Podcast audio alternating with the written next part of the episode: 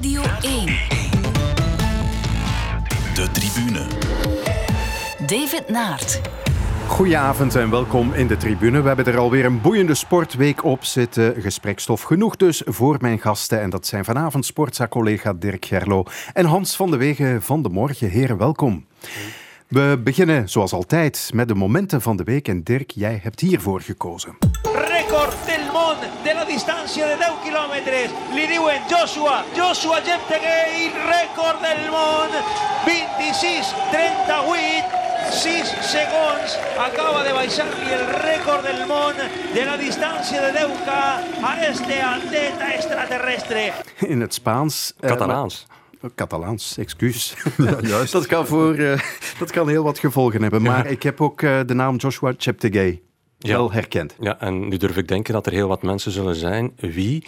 Ja, Joshua Cheptegei is echt wel een naam, is een eh, fenomeen, is Oegandees. Ehm, voor wie hem niet kent, eerder dit jaar is hij wereldkampioen in het veldlopen geworden. Dan in Qatar heeft hij goud behaald op de 10 kilometer. En gisteren heeft hij een wereldrecord gevestigd op de 10 kilometer op de weg in Valencia. Er waren gisteren marathons Fukuoka en Valencia. Snelle marathon in Valencia. En dan was er ook een halve marathon en een 10 kilometer. En die is dus gewonnen door die Cheptegei. En ik heb naar die wedstrijd eh, een beetje zitten kijken. En ik moet zeggen, alleen al de mooie stijl van lopen van die Cheptegei, fantastisch. Het is een agressieve manier van lopen. Hij had een aantal tempomakers en... Hij zit heel de tijd al in die eerste kilometer te kijken van man, het gaat hier niet snel genoeg. Komt in een bocht en gaat die andere voorbij om hen aan te manen. Man, het moet vlugger gaan. Hij houdt ze nog een paar kilometer bij en dan gaat hij alleen voor eh, die nieuwe recordtijd. 26.38 is het geworden. Ehm, maar ik wil het vooral hebben over het feit dat die kerel, die eigenlijk samen met Eliud eh, Kipchoge eigenlijk wel de man is van de lange afstand van 2019, dat niemand die nog kent. En dat heeft voor een stuk van doen ook met eh, de manier van denken bij World Athletics, bij de vroegere IAAF. Ja, dat er nog nauwelijks belang wordt gehecht aan de lange afstandsnummers. We hebben het gezien, de Diamond League. Eerder dit jaar, in, in maart, hebben ze beslist van we hebben geen 5000 meer nodig, we hebben geen 10.000 meer nodig, we hebben geen steeple meer nodig. En daardoor zijn we een aantal vedetten, blikvangers voor de sport aan het kwijtgeraken. Vroeger hadden we grote namen, David. We hadden een, een, eh, een, een Tergat, we hadden een eh, Ondieki, we hadden Gebrselassie, Bekele. Ja. Maar nu kent niemand die Cheptegei nog. En ik vind dat heel jammer voor de uitstraling van die lange afstand. En je had het over de Diamond League. Ja, het is eigenlijk vooral de Memorial die ook een grote traditie had op die 10.000 meters. Ja. Wereldrecord op de Ja. piste gelopen door Bekele.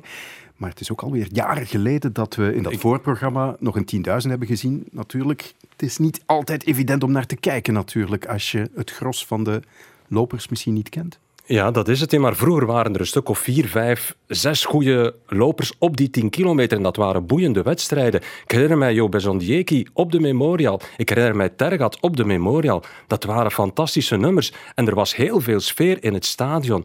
Maar ja, als je nu nog nauwelijks namen hebt, ja, dan, dan is die aantrekkingskracht ook volledig weg. Ik vind het trouwens ook merkwaardig dat eh, het hoofdprogramma van zo'n Diamond League meeting wordt ingekort tot 90 minuten. Dat is toch veel te weinig. Het was al maar twee uur, wat voor mij perfect leek voor atletiek. Ik weet niet, wat denken jullie? Maar ik, ik denk dat het, eh, dus het is onmiskenbaar dat die, die snelheid eh, in de sport altijd maar groter wordt. Het moet altijd maar korter, gebalder zijn. Het moet een format worden enzovoort. Terwijl inderdaad die 10 kilometer aan het einde met die trommels, van die Afrikaanse trommels daarbij, al die grote namen. Het feit dat we die grote namen ook niet meer kennen, is natuurlijk dat ze zo inwisselbaar geworden zijn. Hè? Waarschijnlijk zullen we nu wel inderdaad eh, onze marathonman onder de twee uur, die zullen we wel kennen, Kipchoge. En, en eh, als hij nog, maar gaat hij nog een keer naar de, naar de baan komen, naar de atletiekbaan? Waarschijnlijk niet, die blijven op de weg. Het is niet lucratief genoeg meer. Ook, Nee, dat is natuurlijk ook het probleem een beetje. En dat heeft, daar heeft de IAF ook zelf een beetje, denk ik, eh, voor gezorgd. Hè. Die, dat, die wedstrijden zijn ook allemaal nu te zien op, op rare zenders. Ja, dan niet bij jullie natuurlijk, voor, voor, voor, de Memorial, betaalzenders. Dus we zien, vroeger hadden we die afspraken altijd. Hè. We hadden Zurich, we hadden Oslo en iedereen wist van, daar moeten we naar kijken. Vandaag weet je het niet meer. hè. Ja. en nu hebben we het alleen maar over de lange afstand. Eh, maar die mannen die kunnen dan nog op de weg terecht. Bijvoorbeeld uh, onze vriend uh, van gisteren, ja, Cheptegei, die kan op de weg terecht. Uh, maar ik denk dan aan die andere nummers, een aantal van de kampnummers. de de, de, de kogel, de discus, dat verdwijnt allemaal. En, en, waar gaan die terechtkomen? Dus voor hen is het gat nog veel groter aan het worden dan voor de lange afstand. En ik denk dat de atletiek sowieso worstelt met een gebrek aan namen, toekoer. Voor wie komt je nog naar het stadion? Is dat niet het probleem van de Memorial ook? Ja, tuurlijk. De laatste was Usain Bolt natuurlijk. Hè. Maar dat vond ik ook al een beetje vond ik al wat pervers. Want Usain Bolt was toch inderdaad, behalve heel snel lopen, was toch ook een, een, een soort circusfiguur geworden. Waarvan ik dacht van goed, ik heb liever... Oké, de Ingebrigtsens bijvoorbeeld. Dat vind ik nog wel boeiende figuur. Hè. Ja, de drie broers. Ook wel, als dat Belgen zouden zijn, denk ik dat we daarin eh, om op een rijtje staan naar een verhaal mee te maken. Uh, trouwens, die hebben ook meegelopen in het wereldrecord van Kipchoge. Ja, ja, ja, heel indrukwekkend. Ja, inderdaad. Daar zag je ineens blanke jongens uh, voor Kip, Kipchoge lopen. denk je van, wie zijn dit? Ja, dan herken je ze. Ja, ja, atletiek heeft een enorm imagoprobleem. Ja. Naast een dopingprobleem ook nog. Maar. Het is niets anders. Doping, daar gaan we het straks nog over hebben. Hans, eerst jouw moment en jij gooit het uh, over een heel andere boeg. Wat met het voetbal na operatie propere handen? Dat is de vraag van 1 miljoen waarop een trio wijzen nu moet proberen te antwoorden. Het gaat om Johan van der Lanotte, politicus en man met sportervaring als jarenlange baas van basketbalclub Oostende. Om Michel Maus, professor fiscaal recht. En Thomas van de Spiegel, oud basketbalspeler en vandaag onder meer CEO van Flanders Classics, organisator van wielerwedstrijden.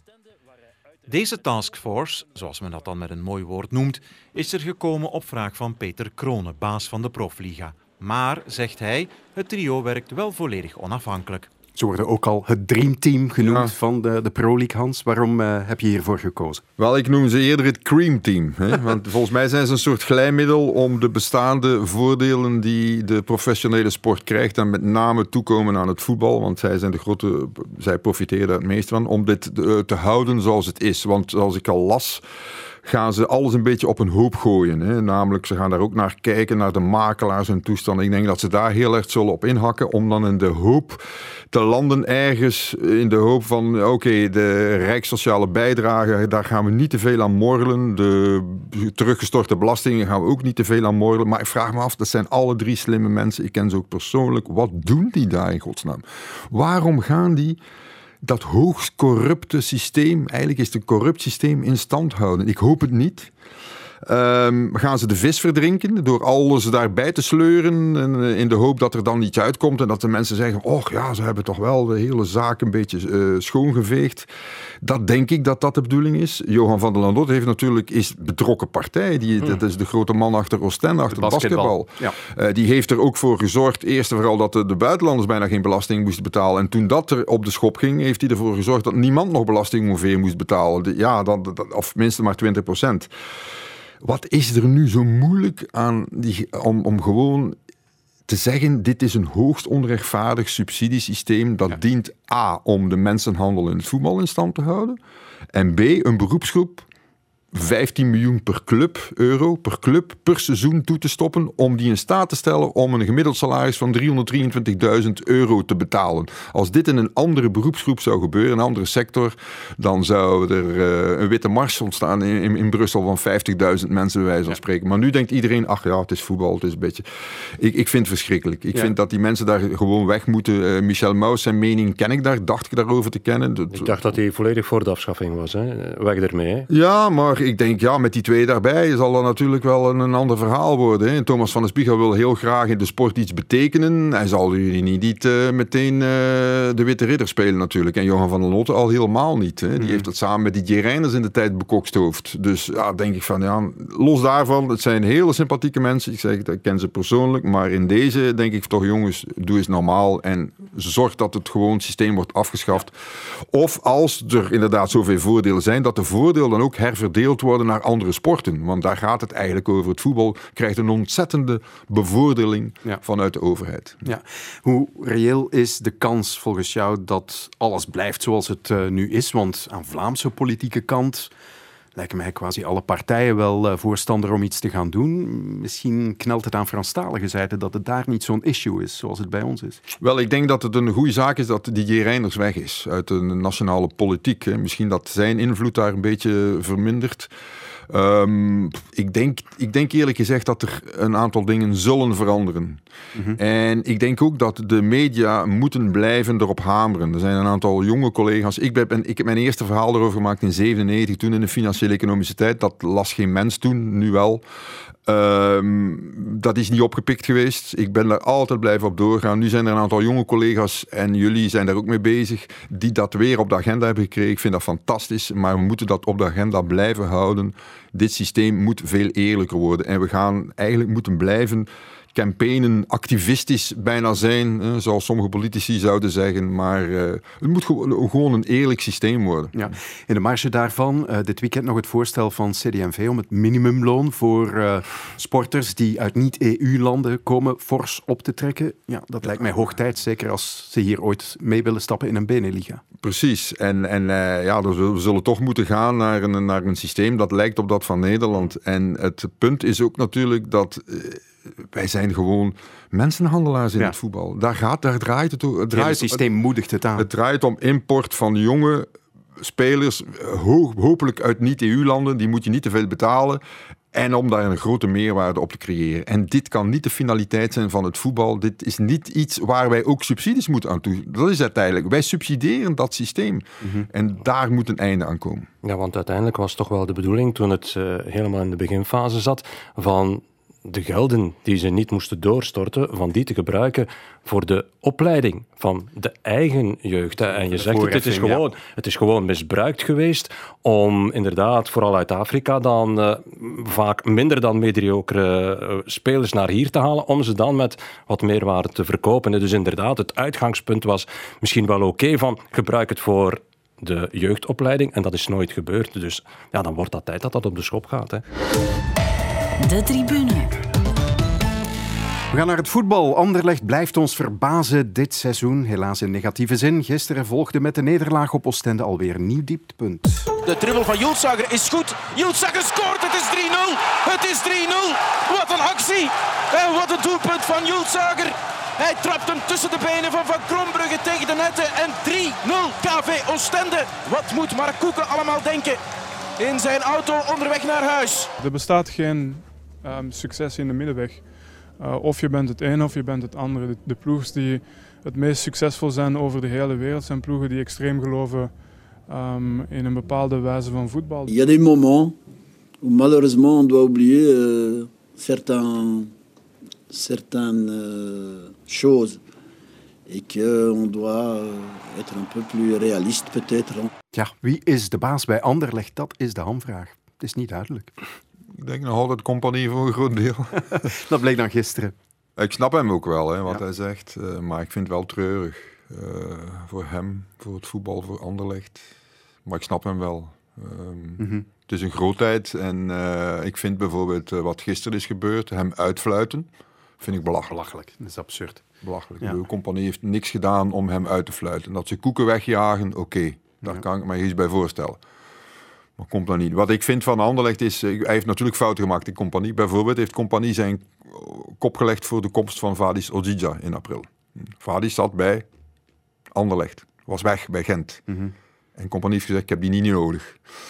Ik denk als Vadis Ojija in het middenveld had gespeeld in Anderlecht met Kums achter hem, zoals dat bij Gent gaat, was het wel iets beter geweest in de, in de as. En met compagnie daar nog achter dan wat er nu wordt vertoond hè, bij Anderlecht. Dus hij heeft natuurlijk ook zijn fouten gemaakt. Ze hebben hem waarschijnlijk te veel macht gegeven.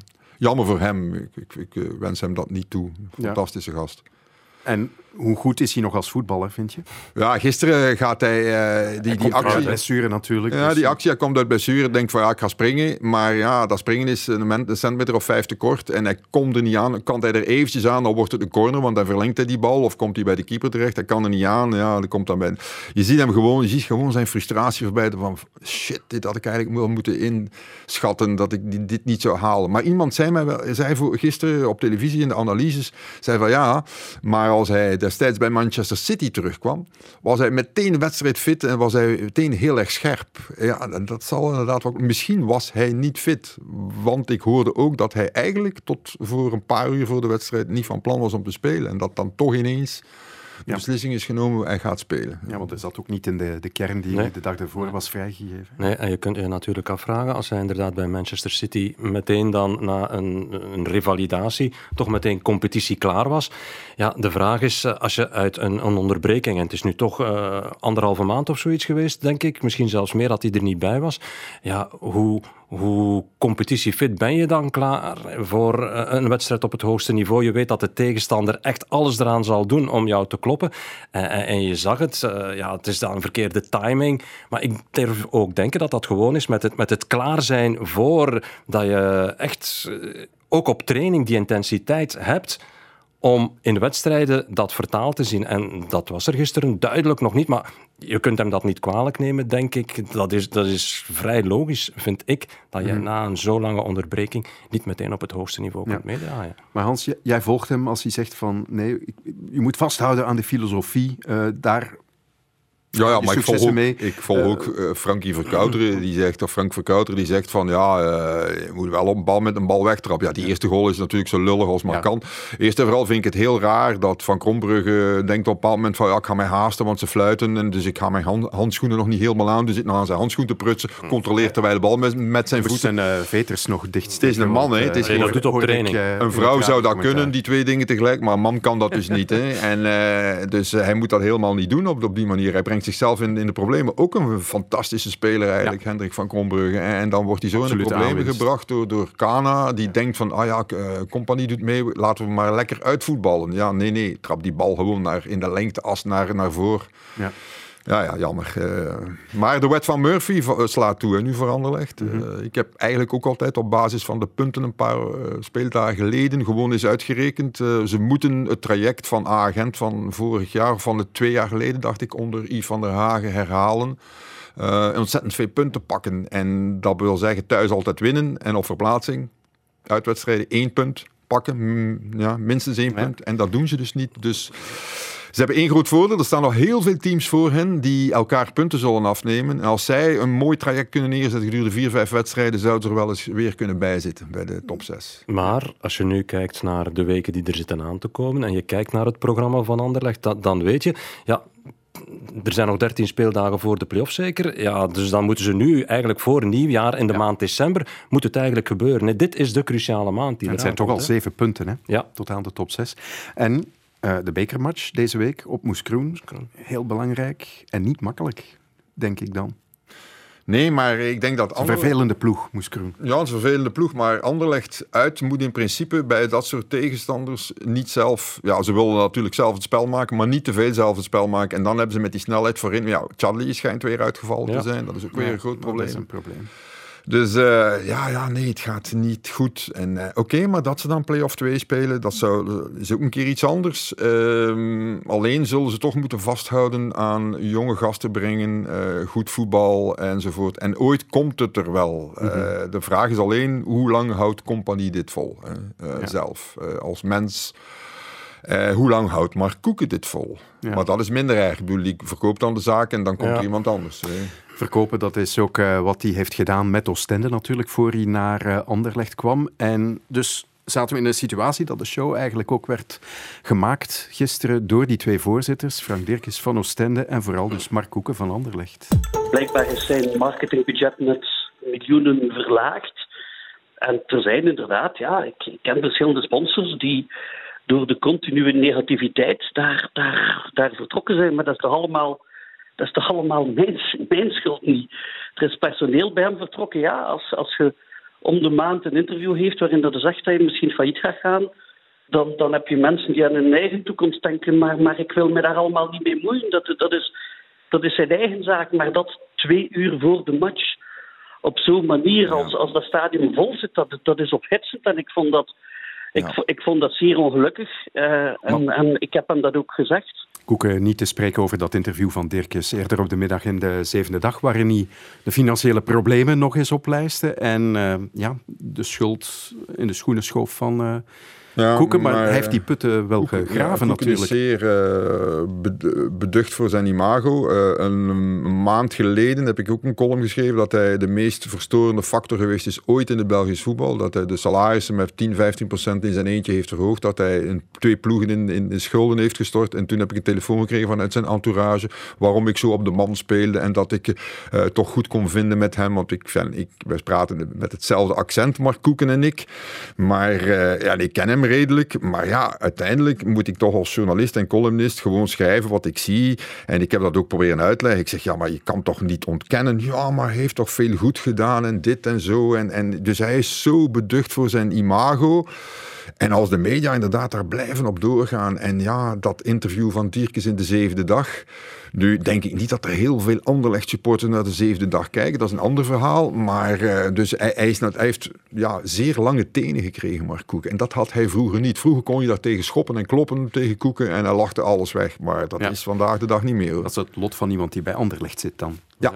Daar heeft hij een beetje op verkeken, denk ik. Ja. Wordt niet graag tegengesproken ook, hè? Mm -hmm. Ja. En ja, ik kan best uh, begrip opbrengen voor uh, wat Dirkens gisteren verteld heeft. Hè. Achteraf zei Dirkens ook van, kijk, de cijfers die ik gegeven heb, die kloppen wel. Daar had Koeken ook geen, geen weerwoord, hè, want dat klopte allemaal. Dus ik vond de reactie van, van Koeken eigenlijk gisteren overdreven. Ja, want de huurprijs van die tribune ja, is, is wat nu ze eenmaal is. zo. De dure contracten zijn wat ze zijn en zijn afgesloten. Het gaat over makelaarslonen, 2,5 miljoen ja. nog, die ook nog moeten betaald worden. Ja, dat is ook de fout van vroeger Kaland, van nu Dirkes ook niet. Hè? Ja. Ik heb begrepen dat zelfs meer is dan 6 miljoen. Maar goed. Uh, wordt vervolgd. We gaan het over iets helemaal anders hebben. Does Russia have a systematic statewide doping system in place to cheat the Olympics? Yes. Were you the mastermind of a statewide system that cheated the Olympics? Of course. Yes. Russia won a total of 73 medals in the 2008 Beijing Olympics. How many of those athletes were dirty? 30. Russia won 81 total medals in London. How many of those were dirty? Or even more. 50% that's for sure. Let it be 50%. They were earned using special program. State sponsored, of course. Het was een fragment uit de Netflix-documentaire Icarus over dopinggebruik, georganiseerd dopinggebruik in Rusland, met de klokkenluider van het dopinglab, Grigori Rodchenkov. Dat leidde al eens tot een schorsing van Rusland door het Wereld Antidopingagentschap WADA. En volgende maandag buigt het uitvoerend comité van dat WADA zich opnieuw over Rusland. En de kans is groot dat het land opnieuw geschorst wordt. Dat is toch de aanbeveling van het Compliance Review Committee, zoals dat heet, van het WADA. Um, Hans, het is een ingewikkelde zaak, maar om het kort even samen te vatten, het heeft eigenlijk alles te maken met de gegevens, de database van het antidopinglab in Moskou. Gegevens die zijn vrijgegeven met vertraging door Rusland aan het WADA, maar die blijken alles, gemanipuleerd te zijn. Ja, zo, zo, zo uh, moeilijk is het ook niet, die zaak. Hè. Alles draait rond het LIMS, Lab Information Management System, zoals dat heet. Mm -hmm. Dat zijn eigenlijk harde schijven met backups van alles wat ze hebben geanalyseerd. Maar daar staan ook mailverkeer op enzovoort. En uh, die moesten zij uh, overhandigen uh, voor 31-12-18. Dat hebben ze gedaan op 19 januari 1919. Dan moesten ze voor 31-1-2019 urinestalen ook overhandigen aan het WADA. En dat hebben ze pas gedaan, 2262 stalen in april 2019. Dus ze waren er telkens al te laat. En toen had ik al zoiets van, oké, jongens, jullie, we hebben nu genoeg geduld gehad met jullie. Jullie wisten wanneer wel wat de datum is. Stop er nu maar mee. Uh, laten we Rusland gewoon voor echt schorsen. Maar oké, okay, dan. Men heeft dat dan onderzocht en dan heeft men gezien dat er eigenlijk. Wat de Russen waarschijnlijk niet hebben, niet hebben uh, bevroed, is dat er door de spijtoptand. Er zijn eigenlijk drie spijtoptanden. Er is ten eerste Grigori Rodchenkov. Man van het lab. De tweede is er Timov, uh, Timothy Sobolewski, die is onder de radar blijven, gebleven, maar die is eigenlijk voor Rodchenkov al verdwenen. En dat is een man, en die heeft, een, een ja, die heeft nog een apart pro Russisch probleem, nou weliswaar. Die was als homoseksueel in Rusland, voelde hij zich bedreigd. En die is eigenlijk al sneller gevlucht. Mm -hmm. En dan was er nog Michachev, de data-analyst en de man die het informatiesysteem, die is ook gevlucht. Die is ook weggegaan. Dus er waren drie spijtoptanten. En die gasten hebben eigenlijk al de database overhandigd waarmee WADA kon vergelijken. Ja. Nu natuurlijk, de Russen zeggen, ja, maar die originele database die is vervalst geworden door Grigor Rodchenkov en zijn companen. Ja, maar ik heb het rapport gezien, 385 pagina's. Ja, ik uh, moet eerlijk zeggen, ik ben van mijn stoel gevallen toen ik het zag. Ik dacht van, ja, dit is zo gedetailleerd. Zo met zoveel specialisten gemonitord. En ze zeggen ook op een bepaald moment in het rapport: very expensive uh, specialists. En dat kan ik me echt bij inbeelden. Ze hebben er echt gewoon uh, alle kennis van de hele wereld op losgelaten. Die man, die Duitser die nu bij het WADA dat onderzoek voert, die vroeger bij de politie zat, de cybercriminaliteit deed. ze hebben dan nog een Australiër die vroeger Australië, in, in, Australië de onderzoeken deed, maar die ook vanuit de drugswereld komt. Die hebben ze er ook opgezet. Met drie man hebben ze naar gekeken. Mm daar hebben ze specialisten in. Dit is gewoon zonneklaar. Wat nu is gebeurd, is gewoon een vervalsing van al die data. Er zijn 500 stalen of zo, uh, positieve gevallen, gewoon verdonkere maand. Uh, er zijn uh, mails vervalst om dan uit te leggen dat Rodchenkov alles zou hebben in scène gezet. Maar uit die mails, uit, dat, uit die, die analyse blijkt dan weer dat die mails geantidateerd zijn, dat, dat die geschreven zijn nadat Rodchenkov daar al weg is gelopen. Echt, hoe die Russen, ik dacht dat die gewoon beter waren. De manier waarop ze hebben verdorie Trump aan de macht gebracht. Ze hebben Brexit veroorzaakt. Ik denk van ja, die Russen zijn toch slimmer zeker dan dit. Hè? Blijkbaar niet. Maar uh, ja, misschien voelen ze zich uh, er gerust in dat Thomas Bach bijvoorbeeld, de IOC-voorzitter, uh, nooit echt zin heeft om hen streng te straffen. Ik vind het ook al straf om te beginnen dat hun minister van Buitenlandse Zaken, Lavrov, doet alsof er niks aan de hand is ook. Hè. Het is het, het, is het, het is het Calimero-effect zo'n beetje. Van, ja, wij, wij worden voor, wat jij daar zegt, brexit, eh, de Amerikaanse verkiezingen. Ja, zij worden door heel de wereld eigenlijk op een totaal verkeerde manier benaderd. Mhm. Ja, dat is natuurlijk niet zo. Als je kijkt naar al die gegevens van dat rapport, ja, dat is, dat is zonneklaar dat er van alles en nog wat gebeurd is. Hè. En het valt mij ook op dat Yuri Ganus, de man die nu aan het hoofd staat van Rusada, dat hij gewoon niet meezingt in koor met de anderen. Hè. Met uh, het ministerie van Sport en zo. Nee, hij zegt van... Ja, we, het, het, wordt, het wordt tijd dat we nu eens eigenlijk uh, fout bekennen. En ik vraag me af hoe lang hem dat nog in dank zal aangenomen worden, afgenomen worden. Ja. Nu, de, de aanbeveling uh, van dat Compliance Review Committee, dat het onderzoek nu heeft gevoerd, is om Rusland gewoon voor vier jaar te schorsen. Ja. Zal dat gebeuren? Het uitvoerend comité moet er zich over uitspreken. Kan niet anders. Kan, niet, kan, niet, kan niks anders. Er is zoveel knoeiwerk gebeurd, zoveel bedrog, dat men niet anders kan. Oké, okay, Bach is inderdaad met de steun van Poetin mee aan de macht gekomen. Maar ja, die moet ook op een bepaald moment zeggen van ja, dit, dit gaat gewoon te ver. En ik heb begrepen uit dus de, de, de, de, de mensen rond Bach dat het inderdaad, het, hem inderdaad ook wel uh, te veel is geworden. Hè. En dat hij gewoon niet anders kan dan de, deze aanbeveling volgen om Rusland inderdaad uit te sluiten. En nu een keer goed uit te sluiten. En niet met de vlaggetjes en de kleurtjes van toevallig de Russische federatie dat te laten rondlopen, maar niet de naam Rusland, maar dan ook nog iets Russian athletes. Nee, nee, gewoon neutrale... Desnoods in het oranje, weet ik heel of het appelblauw zeegroen, maar niet in het rood, wit en blauw. Sorry. Maar houdt hij ook niet nog altijd een slag om de arm? eerste keer zei paar jaar geleden voor Rio.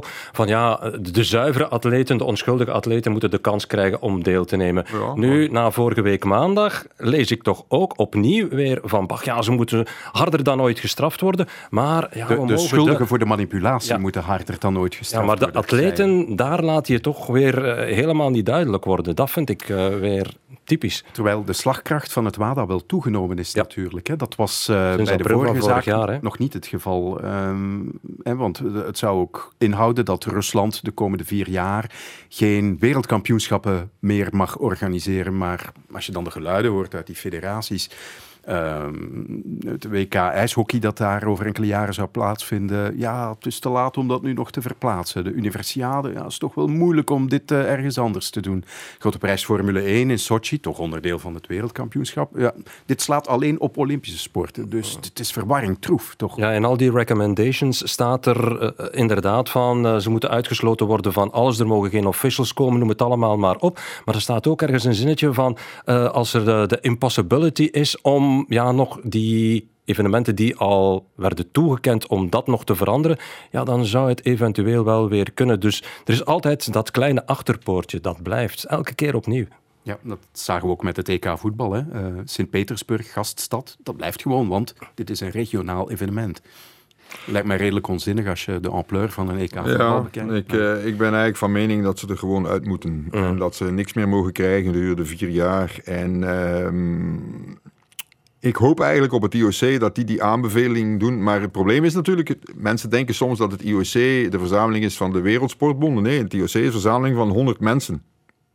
En uh, niks anders. Die hebben niks te zeggen eigenlijk over die internationale federaties. Die geven geld aan de IF's, internationale federaties, om naar de Olympische Spelen te komen. En dat is ongeveer het enige. Wat ze zouden kunnen doen, het IOC, is als jullie niet de aanbevelingen volgen, dan geven wij jullie geen stuk van de pot van de Olympische pot. Ja, dat is een ander verhaal. Hè? Mhm. Eh, dan zou het inderdaad wel kunnen dat. dat uh, maar het, is, ja, het, het, is een heel moeilijk probleem. Ik vond dat ze het goed hadden opgelost voor 2016, 2018. Daar stond ik echt wel achter die aanbeveling om het op die manier te doen. Ik vond wel dat de Russen zeer zichtbaar waren in Pyeongchang, maar goed.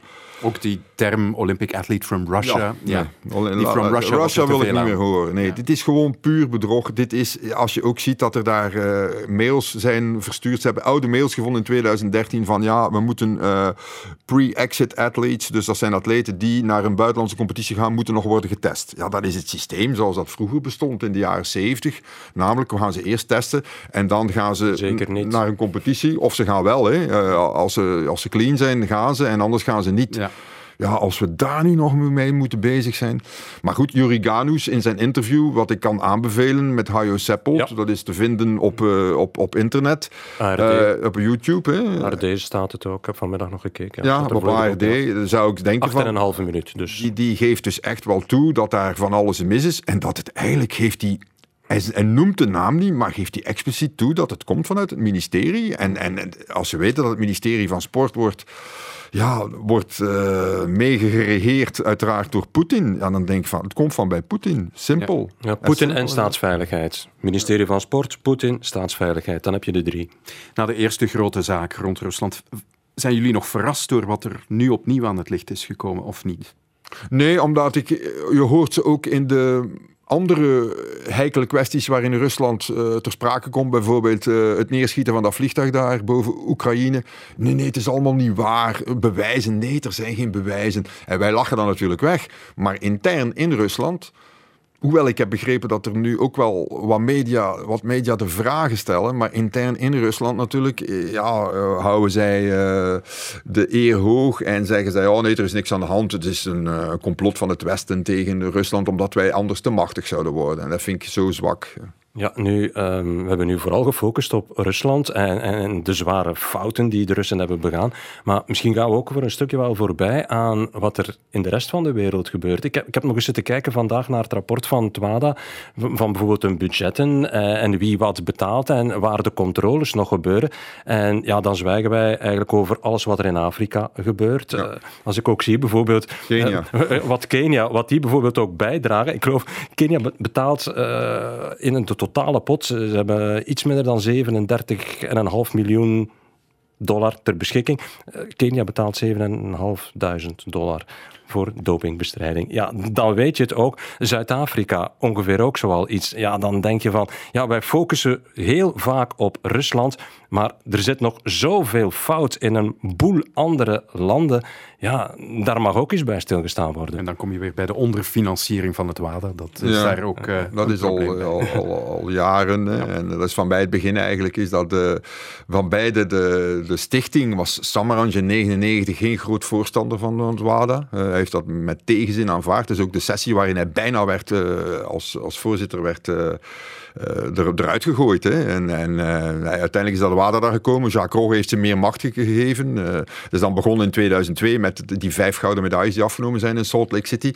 Maar uiteindelijk is het WADA een beetje, een, ja, ook met de schuld van Dick Pound, vind ik, die veel te activistisch was en ja. die altijd IOC op, op de zenuw werkt. Fileert zich daar ook puur op. Hè? Nog steeds Nog altijd. altijd. Hè. Hij de media blijven hem opvoeren. functie ja. meer. Hij wordt nog altijd maar opgevoerd. Ik denk van ja, doe dat dan niet, maar zorg ervoor dat het WADA goed gefund wordt, een goede funding krijgt, eh, tenminste subsidiëring is het uiteindelijk, vanuit de televisierechten bijvoorbeeld. Ja. En die mensen hebben inderdaad wel meer nodig dan die, wat is 37 miljoen dollar.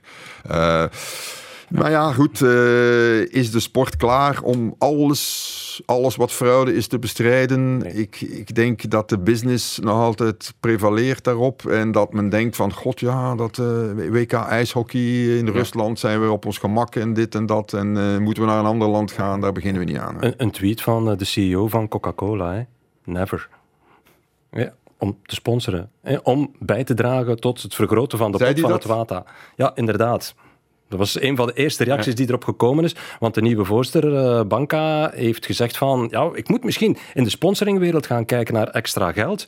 En een van de eerste tweets die er gekomen zijn, was de CEO van Coca-Cola. Die zei van, van ons moet je geen geld verwachten. Ja. De tribune. Radio 1. Je luistert naar de tribune met mijn gasten Dirk Gerlo en Hans van de Wegen. Uh, we werden vorige week ook bij ons opges opgeschrikt, liever door een dopingbericht, namelijk dat wielrenster Sophie de Vuist bij een controle buiten competitie een positieve test had afgelegd. Er werden exogene steroïden gevonden in haar urinestaal. Hans, je hebt die zaak wat uitgespit. Het is blijkbaar een complex geval. Uitgespit is een heel groot woord. Um, omdat we de details niet kennen. Maar van wat ik er nu van weet, is alles wat is verschenen in de media klopt niet. Ah, Oké.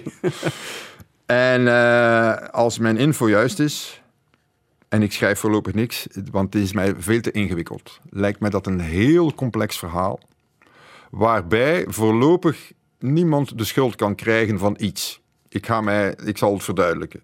Je kan het Docolab in Gent niet verwijten dat ze iets hebben gemeld. Je kan NADO Vlaanderen niet verwijten dat ze de brief hebben gestuurd naar Sophie de Vuist. En misschien kan je Sophie de Vuist ook niks verwijten. Omdat het zo'n ingewikkeld geval is, wat ik nog nooit heb gezien. En misschien zelfs een wereldprimeur zou kunnen zijn.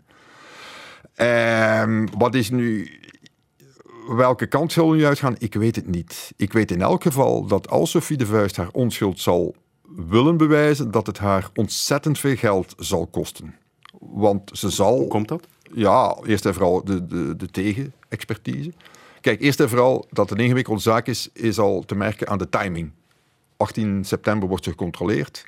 De brief vertrekt twee maanden later, zonder tegenexpertise nog maar. Mm -hmm. Dus ze hebben er twee maanden over gedaan om te zeggen van... Goh, uiteindelijk moeten we nog een keer, nog een keer gaan analyseren waarschijnlijk, weet ik veel. Uiteindelijk, ja, uiteindelijk moeten we toch die brief sturen. Hè. En uh, nu komt er een tegenexpertise, 2500.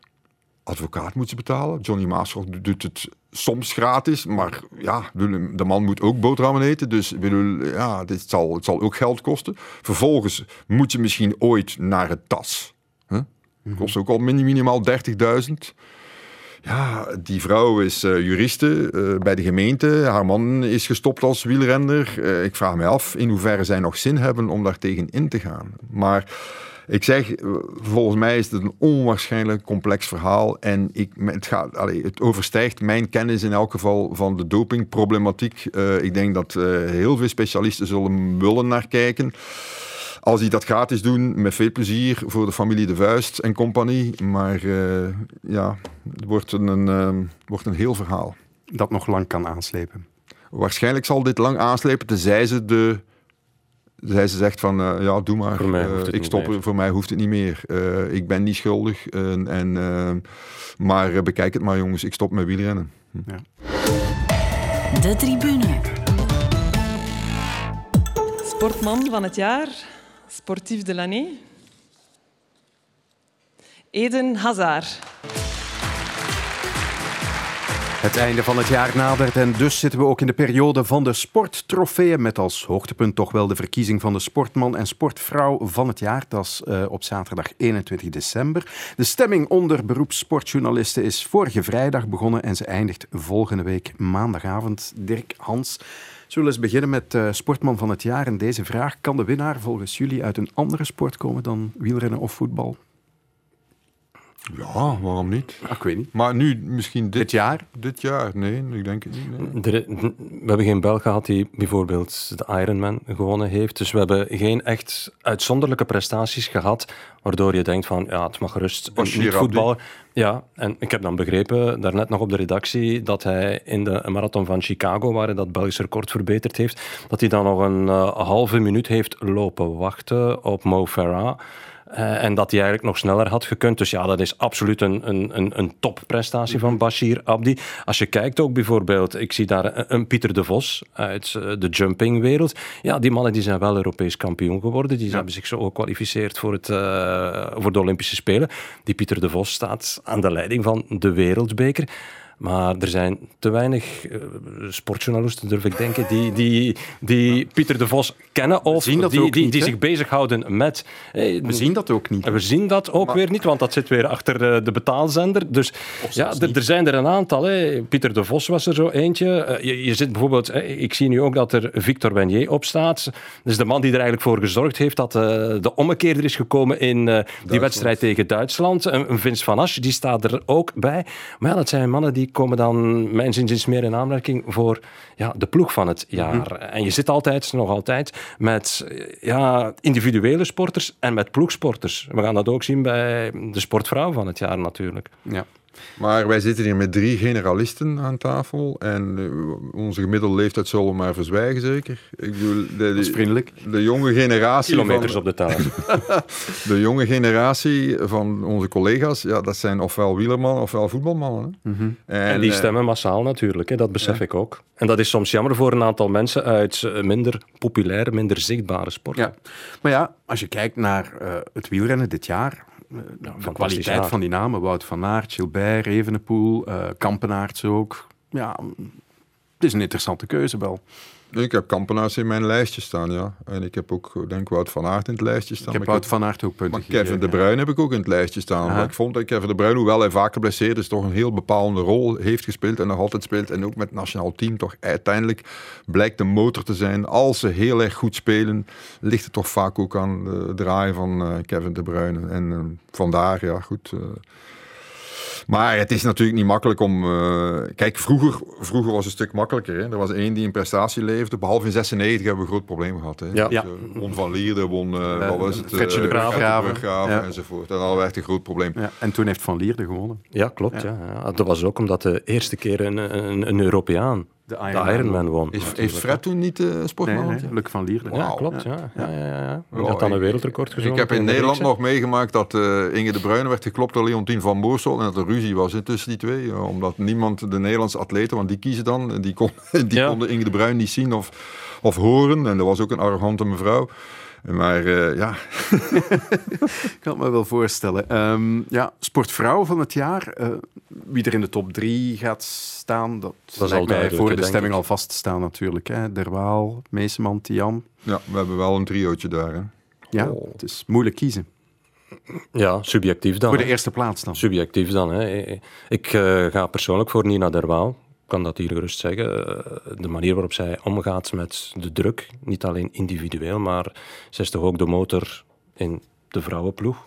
Dat, en ja, het Europees kampioenschap tijdens de European Games eh, was niet echt fantastisch. En de manier waarop zij dan, als de druk het hoogst is, presteert in die finale in Stuttgart, ja, dat was echt wel indrukwekkend. Maar natuurlijk een Emma Meeseman, als je ziet wat zij doet, niet alleen bij haar ploeg, maar ook eh, bij de nationale ploeg, wat ze doet in Amerika. Ja, dan zou je eigenlijk moeten zeggen, ja, ze verdienen het allebei. Hè. Tian verdient het ook, dus eh, ja, dat is eh, een, een keuze die je nauwelijks kunt maken. Ik heb, ik heb eh, Nina op twee gezet, Nina Derwaal, omdat ik denk van, ik ga Emma Meeseman op één zetten. En mijn keuze daarop om haar op één te zetten is puur subjectief. Ik ben namelijk opgegroeid als kleuter en als eh, kind met een moeder die basketbal speelde in eerste klasse. Dus ik moest altijd mee, ik mocht altijd mee. In de Battias in Gent eh, speelde ik onder de tribune, terwijl mijn moeder af en toe een keer kampioen van België werd.